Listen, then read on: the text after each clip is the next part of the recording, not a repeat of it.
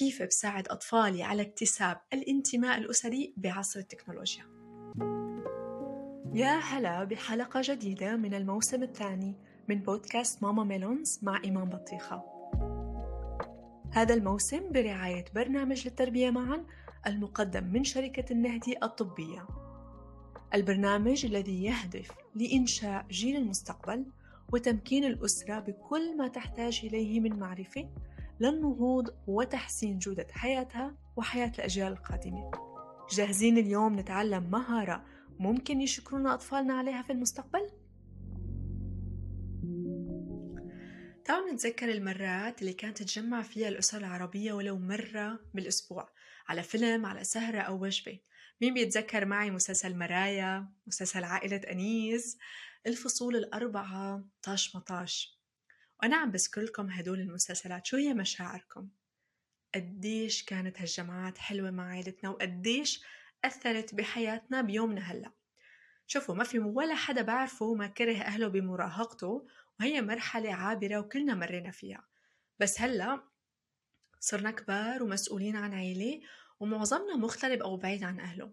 بس إحساسنا أنه كنا جزء من كيان عاطفي اجتماعي رائع بحلوه وبمره أخذنا منه وعطيناه هو يلي بقوينا ومخلينا نتخطى الكثير بحياتنا بعيد عن هذا الكيان. هذا هو الانتماء الأسري. حدا غيري زعلان شوي على أولاده إنه مستحيل يفهموا شو يعني جمعة مسلسل السهرة. هي مهارتنا الأولى اللي حنحكي عليها اليوم كيف بساعد أطفالي على اكتساب الانتماء الأسري بعصر التكنولوجيا. أول شي خلونا نعرف شو هو الانتماء الأسري. الانتماء الأسري هو حاجة نفسية وفقا لهرم ماسلو للاحتياجات الإنسانية. فالحاجة إني أنا كون علاقات اجتماعية انتمي لإلها بتحقق لي الاحترام لنفسي وللآخرين. بدونها الإنسان رح يحس في شي ناقصه. ما رح يكون سعيد ومكتملة ساعاته رح يدور على الانتماء لأقرب جماعة بتقبله لأنه هي هيدي حاجة عنده. ومثله مثل أي حاجة تانية إذا كنت أنا محتاجة كتير ما رح أحسن الخيارات. تخيلوا معي لما أنتم بتكونوا كتير جوعانين حتاكلوا أول شي بنحط قدامكم. أساس الانتماء هو التفاعل والتعاون مع الآخرين وما بيكون صح إلا إذا أنا حسيت بدوري بهيدا الجماعة. بلتزم تجاهها أنا جاد بهالالتزام وبتحمل مسؤوليتي الانتماء قوة كيف؟ في دراسة للدكتور بدر علي العبد القادر قال فيها أنه الانتماء لجماعة أو مجتمع وخاصة إذا له قيم سليمة ومبادئ له آثار نفسية عقلية واجتماعية وسلوكية إيجابية على الشباب وتحميهم من الانحراف كيف؟ أنا كإنسان عندي حاجات للأمان للحب للتقدير والنجاح حتكون مشبعة. فما رح أروح دور عليها بالجماعات المتطرفة يلي رح تتقبلني لأنه بس بدها حدا معها. ما رح أبحث عن الحب بالعلاقات السامة لأني أنا بس خايف أخسره. ما رح أندمج بمجتمع جديد بطريقة مبالغ فيها منافية لمبادئي ناسف هويتي السابقة لا. رح أندمج أو رح الانتماء بيساعدني على الاندماج الصحيح. يعني أنا بمشي بحياتي وبواجه مجتمعات وتغيرات كتير كبيرة كل يوم بس أنا بكون بحالة إشباع ما رح أتبنى مبادئ أول مجتمع بشوفه بس لأنه حسسني إني أنا جزء منه تمام؟ أطفالنا اليوم صاروا ملك الحياة أكثر من أي وقت تاني. الانتماء من زمان كان بتصير بطريقة كتير عفوية. آه، كان في تواصل حقيقي بين البشر ما كان في آه، تليفونات ما كان في حواسب رتم الحياة ما كان بهالتسارع هيدا. بسنة 2018 جيسون تاشلر آه، حكى عن الانتماء بعصر التكنولوجيا وقال إنه الذكاء الاصطناعي رح يكون موجود بكل شيء حولنا. رح نتعامل مع الذكاء الاصطناعي بشكل يومي. هذا الشيء ما رح يخلينا غير نركز على أنفسنا وحنكون أقل تركيز على الآخرين. فحيخلق جزء شيء من الأنانية والاعتقاد بأنه نحن أهم من أي حدا تاني بالحياة أهم من العيلة أهم من الجيران. يعني مقابل هالانبهار اللي نحن عم نعيشه في تخوف على حياة الفرد الخاصة. ورح ينتج عنه أضرار معنوية ومادية ورح يصيب الحياة الفرد الأسرية أو الفردية. يعني هاي السهرات الحلوة مع العيلة اللي نحن كلنا بنحلم نرجع لها مو بس رح تصير منسيات رح تختفي تماما. طب كيف بقدر حقق الانتماء الأسري لأطفالي؟ بظروف الغربة؟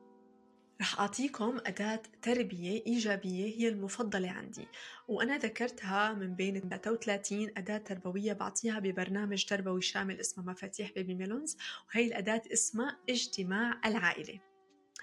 هي أحد وسائل تحقيق الانتماء الأسري بهيدا الوقت الحالي وترسيخه. هي عادة أسرية بتخلق تعاون وتواصل والتزام وجدية ومسؤولية. يعني كل أساسيات الانتماء ما رح تاخد معنا أكثر من 20 دقيقة بالأسبوع المطلوب فقط هو الالتزام. رح أشرح لكم هيدا الحلقة بالتفصيل كيف بعمل اجتماع العائلة آه، مع أسرتي. بس أول شي رح أقول لكم شو الأهداف اللي بيحققها اجتماع العائلة آه، لتنمية الانتماء الأسري عنا. باجتماع العائلة أنا بقدر أعبر عن مشاعري. يعني مثال أنا بدي أحكي عن مشاعر الحزن اللي صابتني لما ضاعت لعبتي. هون أنا بسمع الطفل وبتعاطف مع مشاعره. باجتماع العائلة رح نطرح موضوع للنقاش. مثلا نحن كعائلة بدنا نخطط للسفر في عطلة الربيع. في اجتماع العائلة حيكون في مجال لعصف ذهني لحتى آه، نلاقي حلول لمشكلة ما نحن عم نعاني منها كعائلة أو في فرد منا عم بيعاني منها. مثلا عنا مشكلة التأخير كل يوم الصبح على المدرسة ومنا نلاقي لها حل فمين عنده الحلول اللي ممكن يقترحها؟ والتواصل الممتع اللي بده يكون بقلب جو العائلة. فالهدف الأساسي من اجتماع العائلة هو التواصل بين أفراد العائلة بشكل ممتع المتعة الفن ال ال آه، ما في نكد. رجاء إذا حسيتوا يعني بعد ما أنا أنهي هذه الحلقة وبلشتوا تتدربوا على اجتماع العائلة وحسيتوا إنه في نكد معناتها في شي غلط عم بيصير طيب هي الأهداف اللي أنا ذكرتها على اجتماع العائلة بتعزز الشعور بالانتماء والأهمية عند هذا الأبناء وهذا هو الهدف الأساسي للتربية الإيجابية. الطفل بقلب اجتماع العائلة بحس حاله مسموع محترم هو جزء من الحل والأسرة تحتاجني. تخيلوا كل هالتركيبة بأداة واحدة أنا عم طبقها بشكل أسبوعي. أنا بلشت أعمل اجتماع العائلة مع أسرتي كانوا أطفالي عمرهم تقريبا أربعة ونص سنوات. عندي توأم أطفال واحد منهم كان بيرفض إنه يكون معنا. أوكي أنا إجيت لعنده وقلت له وجودك بيعني لي كتير وحيسعدني كتير. فيك تقعد وما فيك ما, ما في داعي تشارك بس وجودك كتير بيهمني. جلس معنا وبالفعل ما حب يشارك كان هيك شوي أخذ الموضوع بطريقة هيك مسخرة يعني مثل ما بنقول. بس بعد عدة اجتماعات صار يجلس ويشارك لأنه حس إنه هو مسموع. اقتراحاته كانت بمحلها والأسرة كانت عم تحتاج يعني كان عم يقترح أشياء لإلي قد تكون بديهية بس أنا ما كنت عم عم عم بطرحها على الطاولة. كان هو عم يطرحها ومثل ما بيقولوا عم ياخذ هو الكريدت يعني عم عم يحس إنه هو اللي حل المشكلة. فأنا أنتمي انتماء حقيقي لهيدي الأسرة. آه كمان زوجي في البداية ما كان كثير مقتنع بالفكرة تبع إنه منا متعودين نقعد مع ولدين صغار على طاولة ونقعد نتناقش فحس كمان استسخف شوي الموضوع. إذا الأب ما بده يحضر ما تجبروا. ابدأوا مع أطفالكم تمام؟ خلوهم يشوفوا بساطة الموضوع وبعدين حاوروهم بأهمية وجودهم بهذا المكان. حتى إذا ما حبوا يشاركوا مجرد وجودهم ويشوفوا كيف أطفالهم اللي كانوا شوي خجولين بلشوا يحكوا معاهم بلشوا ينطقوا شوي آه، حيحسوا إنه تعالوا نحاول. بأبسط شكل. رح أشرح لكم كيف بتم اجتماع العائلة. بيبدأ تقريبا من عمر أربع أو خمس سنوات. منه محتاج أكثر من 15 ل 20 دقيقة رجاء ما تعملوا أطول من هيك. تذكروا short and sweet. مرة بالأسبوع. حددوا موعد ثابت. يعني كأنه موعد دكتور اسنان. مثلا كل يوم آه الأحد أو كل يوم السبت المساء رح نجتمع أو السبت الصبح بعد الفطور رح نجتمع. المهم ما يكون على الأكل يعني ما تكونوا عم تفطروا أو عم تتغدوا ما يكون في بإيدكم أبدا أجهزة إلكترونية ما في ملهيات ما في تلفزيون شغال يكون معكم شيء مثل عصاية أو قلم آه، أو مثلا آه، أنا كان عندي شغلة بالمطبخ هي بندق فيها التوم ما بعرف إذا بتعرفوها. أنا كنت استخدمها وأولادي حفظوها من أول مرة وصاروا دائما يجيبوها لما يكون عندنا اجتماع عائلي. المهم هيدي اسمها عصا الحديث اللي بيمسكها هو اللي بيحكي والباقي بيسمع يكون في شخص هو اللي عم بيدير الجلسة وغالبا حتكونوا أنتوا اللي عم تسمعوني. آه ممكن تعطوا لأطفالكم ورقة آه إذا بيعرفوا يكتبوا يكتبوا شو صار بالاجتماع وإذا بيعرفوا يرسموا يرسموا. أنا طفلي بيعرف أطفالي ما بيعرفوا يكتبوا طبعا بيعرفوا يرسموا فأنا بعطيه واحد منهم ورقة وبقول له أنت الكاتب تبعنا اليوم فيك ترسم كل شيء نحن عم نعمله. ببلش الاجتماع أول خمس دقائق منه هيدي كتير خطوة مهمة. ببلش بالشكر. يعني كل واحد معه عصا الحديث طبعا بالتناوب بالدور بيمسكها وبيبلش يشكر كل واحد موجود على الطاولة. ممكن يكون الشكر يعني الموضوع اللي شكروا عليه موضوع كتير سخيف أو, أو يعني كتير بسيط ما تستهينوا فيها واحد من أطفالي كان عم يشكر شكرني أنا شكر أبوه شكر أخوه بعدين أنا فكرته خلص لأنه نحن بس أربعة على الطاولة وإذ لقيته وكمان عم بيقول لي وكمان بشكر نفسي. فأنا طلعت شو؟ قلت له شو بدك تشكر نفسك؟ بشكر نفسي لأني بحب أرسم كتير. أنا ما كنت متخيلة حتى ما فكرت فيها إنه الواحد ممكن يشكر نفسه. كتير حبيت الخطوة اللي هو عاملها آه، أطفالي بهيدا الجزئية من الاجتماع شكروني على شيء يعني مثل ما لكم أنا أكثر شيء بكرهه فيني.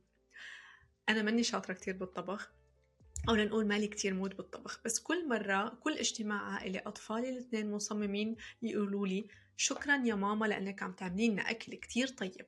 فحسيت إنه صح أنا يمكن مو عاجبني الأكل اللي عم بطبخه أو حاسسته يعني مش أعظم شيء أنا ممكن اقدمه بس هن كتير مبسوطين فيه وكتير حابينه وما كانوا عم يحكوا لي هالشيء ابدا من قبل. فشجعني أكثر على مثل ما بيقولوا الاستمرار. على الشيء وأعطاني هي الدفعة مع إنه ولا مرة سمعت هيدي الكلمة من حدا. كمان أنا وزوجي صحبة مع بعض كتير بس ما بنمارس هيدي عملية الشكر البسيطة. فلما أنا كنت قاعدة كمان لقيت شوي صعوبة إني أشكره. فحسيت إنه بدي أشكره على طلبات البقالة اللي جبتها بهالأسبوع حسيت الموضوع كتير بسيط وهو انبسط فيه. هيدي أول جزئية بتبلشوا فيها الاجتماع ما بتاخد أكثر من خمس دقايق. الجزئية الثانية آه هي نبدأ يكون في عنا أجندة مثلا على ورقة ورقة على البراد آه نناقش فيها يا أما خطط للأسبوع شو بدنا نعمل شو بدنا نعمل وجبات أو إذا عندكم مشكلة آه كيف نناقشها سوا مع بعض مفروض هيدي الجزئية ما تاخد أكثر من 10 أو 15 دقيقة بس في البداية وانتوا عم تتدربوا على الاجتماع ما تطرحوا أي مشاكل أوكي؟ يعني بهيدا الجزئية ممكن تاكلوا سناك مع العيلة آه مثل ما بيقولوا آه ترطيب جو. آه ممكن نشجع شوي الأطفال على المشاركة بموضوع ما. لاحقا بعد ما كنا تدربنا شوي وصرنا نلتزم أكثر بالاجتماع منصير بهيدي الجزئية اللي هي بعد الشكر بنصير مثلا بنبلش نخطط لوجبات الأسبوع. مثلا إمتى بدنا ناكل برا البيت؟ إمتى بدنا ناكل جوا البيت؟ شو بتحبوا نطبخ بهذا الأسبوع؟ ممكن تناقشوا مشكلة آه وتفتحوها للنقاش تمام؟ يعني آه مشكلة أخذ الشاشات آه أو الموبايل لأكثر من ساعة باليوم. ممكن إذا عندكم حيوان أليف توزيع المهام بيناتكم. ممكن مشكلة عندي مشكلة ضرب بين الأخوة بضلوا بيتضاربوا تعالوا بدنا نحلها أوكي؟ بنبلش بعصف ذهني عنا هاي المشكلة. مثلا أنتم الأخوات مثلا بيضلوا بيضربوا بعض تعالوا نحط كل الحلول المقترحة. تذكروا بمرحلة العصف الذهني كل الأفكار مقبولة وبعدها يتم الإجماع على أكثر فكرة مرتبطة ومحترمة ومفيدة وتناسب الجميع. okay ويتم بالإجماع. تمام؟ ممكن لاحقا باجتماعات عائلة لاحقة فيني أشوف مثلا إذا كان عندي مشكلة قديمة ناقشتها وحليتها هل يا ترى الحلول اللي أنا نفذتها كانت مناسبة؟ مثل أنا آه، أطفالي مثلا بيتخانقوا على دورهم على ال PlayStation الحلول اللي أنا طرحتها هل تم تنفيذها؟ هل كانت مناسبة للجميع؟ بعد ما بلشنا بالشكر وبعدين عملنا مثل حلينا مشكلة أو خططنا للأسبوع. ما تعملوا أكثر من مشكلة أو مشكلتين. okay؟ بعدها يختم اجتماع العائلة بنشاط مرح. بألعاب جماعية. يعني كأسرة إما نقعد نلعب آه، نركب ليجو نطلع لبرا ناكل آيس كريم. وخلص. بهالبساطة هي.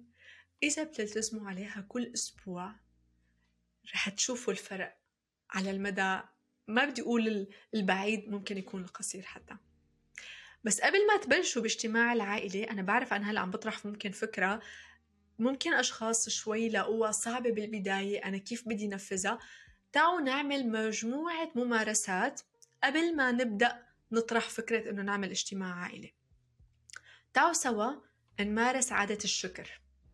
يعني اذكروا الأشياء آه، يلي أطفالكم عملوها لإلكم واشكروهم عليها. يعني مثلا شكرا لأنك أعطيتني كاسة المي. شكرا لأنك رتبت غرفتك ساعدتني كتير بهالموضوع. العادة الثانية اللي ممكن تمارسوها هي ممارسة عادة الاستماع. أوكي؟ قديش المواقف اللي أنتوا انحطيتوا فيها حدا عم يحكي لكم مشكلة وانتوا فورا عم تعطوه مجموعة الحلول؟ مرة زوجي كان عنده اجتماع آه، مهم كتير باليوم التالي وكان شوي الموضوع موتره. وأنا قاعدة بس كنت عم فكر إنه شو كمية الحلول اللي بدي أعطيه إياها. اسمعوا بدون ما تقدموا نصائح. مارسوا التعاطف.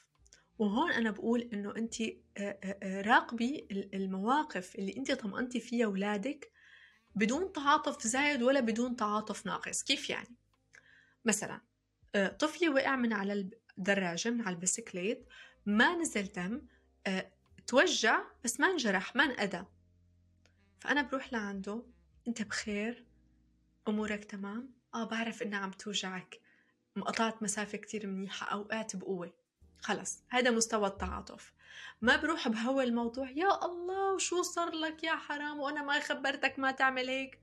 ما بهول الموضوع كتير ولا بقول له حاجة قوم بقى ما فيك شيء ولا بقلله فمارسوا هدول العادات الثلاثة اللي هي الشكر والاستماع والتعاطف بعدين بلشوا آه، آه، اطرحوا فكرة إنه نعمل اجتماع أسرة والتزموا فيها اتدربوا فيها بالبداية خلوا الموضوع ممتع بلشوا بالشكر كله سناك بعدين نشاط ممتع.